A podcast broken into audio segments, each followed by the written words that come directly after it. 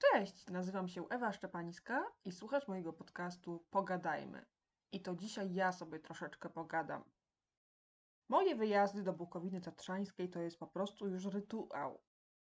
Myślę, że tak od dwóch lat jeżdżę tam regularnie, spotykam się z ludźmi, cieszę się taką wolnością, jestem bez dzieci, bez męża i mogę trochę oderwać głowę od tej swojej codzienności.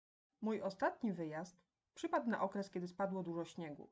Był spory mróz i w końcu przyszła prawdziwa zima, taka prawdziwa, prawdziwa. Dzień przed wyjazdem rozmawiałam ze znajomymi o swojej podróży, o swoich planach. I oni powiedzieli mi wprost: No wiesz co, raczej w te góry to się na razie nie wybieraj, nie jedź nigdzie. Jest mróz i nie wyjedziesz. Trochę mnie przestraszyli, bo tak mi nagadali, powiem szczerze, że sama zaczęłam wątpić w to, czy taka podróż ma sens. W końcu jest taka zima, jest minus 13 stopni, śniegu ileś tam centymetrów i nikt inny by się nie wybierał, no ale ja się nie wybiorę, ja. I chociaż byłam pewna swego, udało im się we mnie wzbudzić takie wątpliwości, zasiać to ziarnko niepokoju i dopuścić myśl do głowy, że ja sobie po prostu nie poradzę. No i wieczorem podobne słowa usłyszałam od mojego męża, który spacerując z psem spotkał jakiegoś sąsiada i ten też mu nagadał, że taka zima w tych górach, że trzeba mieć po prostu łańcuchy na kołach, bo bez tego ani rusz. I tutaj zasiał we mnie kolejne ziarnko wątpliwości. Pomyślałam wtedy, że pewno Zakopane jest tak zasypane, że wyjazd tam jest po prostu niemożliwy dla takiego zwykłego kierowcy jak ja. Ale najgorzej przecież mieć złych doradców, no bo w końcu w Zakopanem i okolicy każdego dnia jeżdżą ludzie do pracy i mają do tego takie całkiem normalne samochody jak ja. Każdego dnia jakieś auto ze znakiem L na dachu wyrusza w drogę uczyć się jazdy. W końcu przecież rok wcześniej ja byłam zimą w Zakopanem. Byłam, poradziłam sobie, dojechałam i wróciłam. Ja tam po prostu byłam. A osoby, które mi doradzały, nie były od lat w Zakopanem. Podejrzewam, że bez GPS-a by sobie nawet nie poradziły, żeby tam dojechać. Osoby, które mi doradzały, słyszały tylko newsy z telewizji, z wiadomości, widziały wybrane fotografie czy wideo wyrywkowo nagrane z tylko niektórych miejsc, okolic Zakopanego. I jadąc w te góry moim wysłużonym już samochodem, myślałam o tej całej sytuacji. Bo to się w zasadzie przekłada na marzenia o własnym biznesie. Ile jest osób, które głośno powiedziały, że zakładają działalność, albo że będą ręcznie robić to, co lubią. Czy to misie szydełkowane robione w czasie wolnym od pracy, czy to kubki ceramiczne wypalane w piecu wziętym na kredyt, czy to repki wyplatane w czasie urlopu macierzyńskiego. I często, kiedy na głos mówimy, że właśnie z tego chcemy żyć, że to chcemy rozwijać, że w tym się czujemy dobrzy, słychać głośne rady do rad. Że się nie da, że trzeba mieć naprawdę dużą społeczność w mediach społecznościowych, że to się nie opłaca, że to są takie ogromne koszty.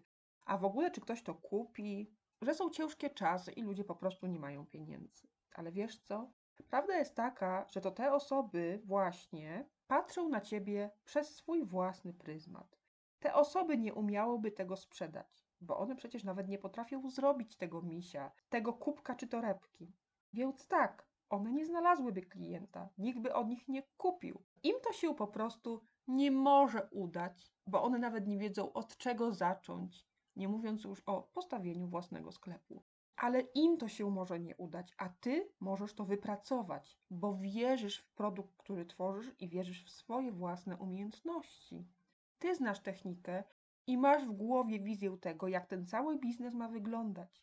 Inni ludzie nie dostali daru, czy też nie wypracowali takich umiejętności, więc nie mogą zobaczyć tego, co widzi Twoja własna wyobraźnia. Inni ludzie nie znają Twoich możliwości, mierzą nasze plany i oczekiwania swoimi.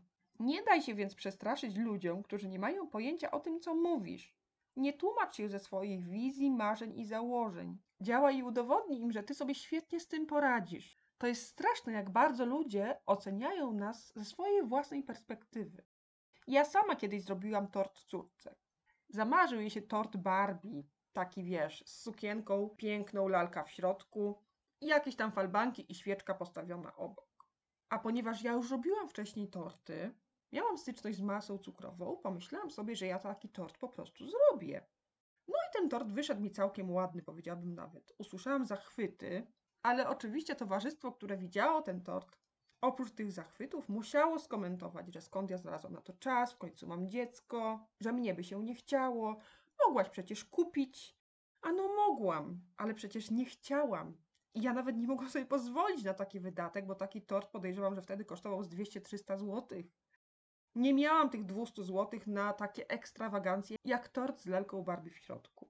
A ja przecież te torty umiałam robić. Był już dinozaur, Angry Birds i inne takie fantazje moich dzieci po prostu potrafiłam spełnić.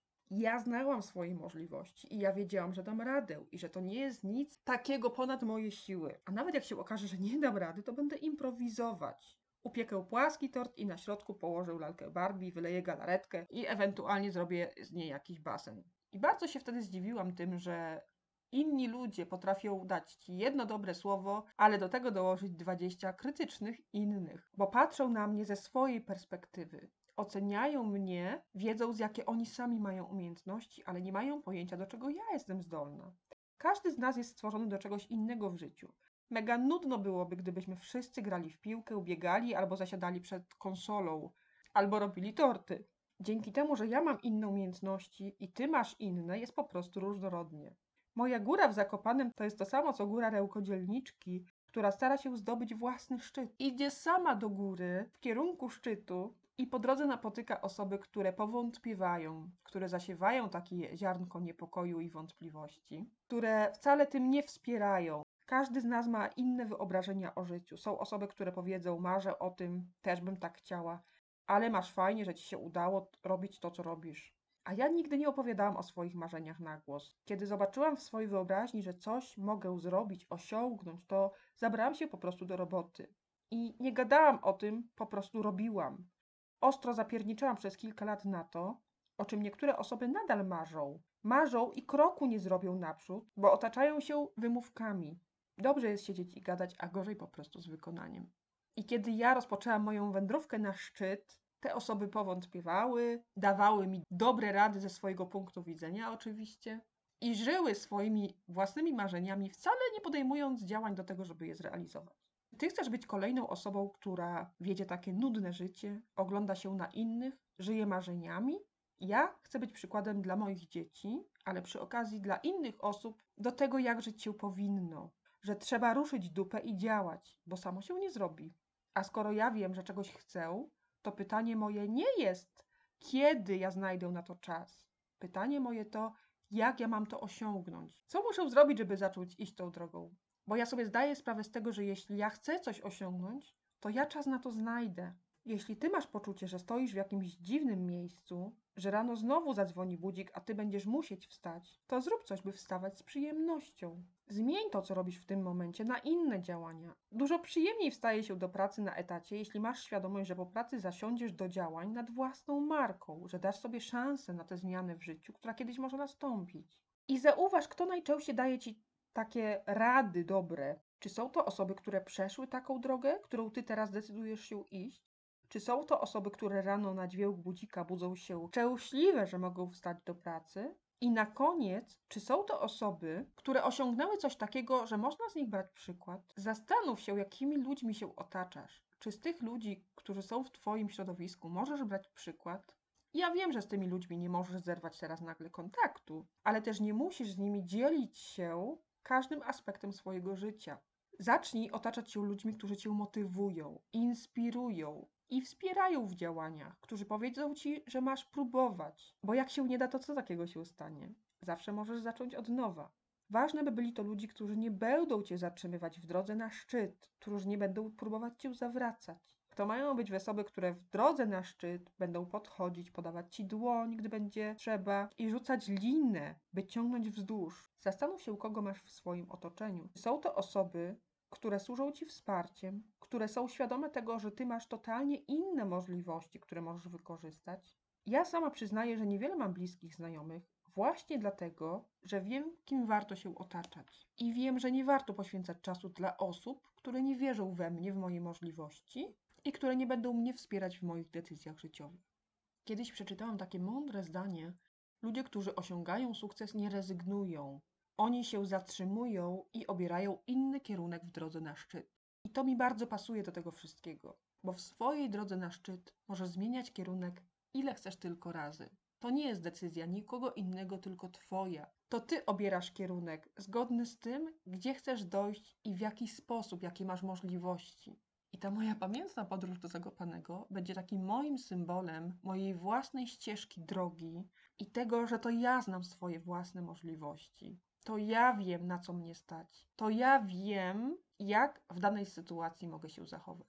I życzę Ci tego, żebyś Ty miała zawsze dobrych doradców, osoby, które Cię wspierają, ale też świadomość swojej własnej wartości i tego, że tak naprawdę Ty w swoim życiu nie musisz nikogo słuchać. Życzę Ci dobrego dnia i samych sukcesów w robocie. Trzymaj się, pa.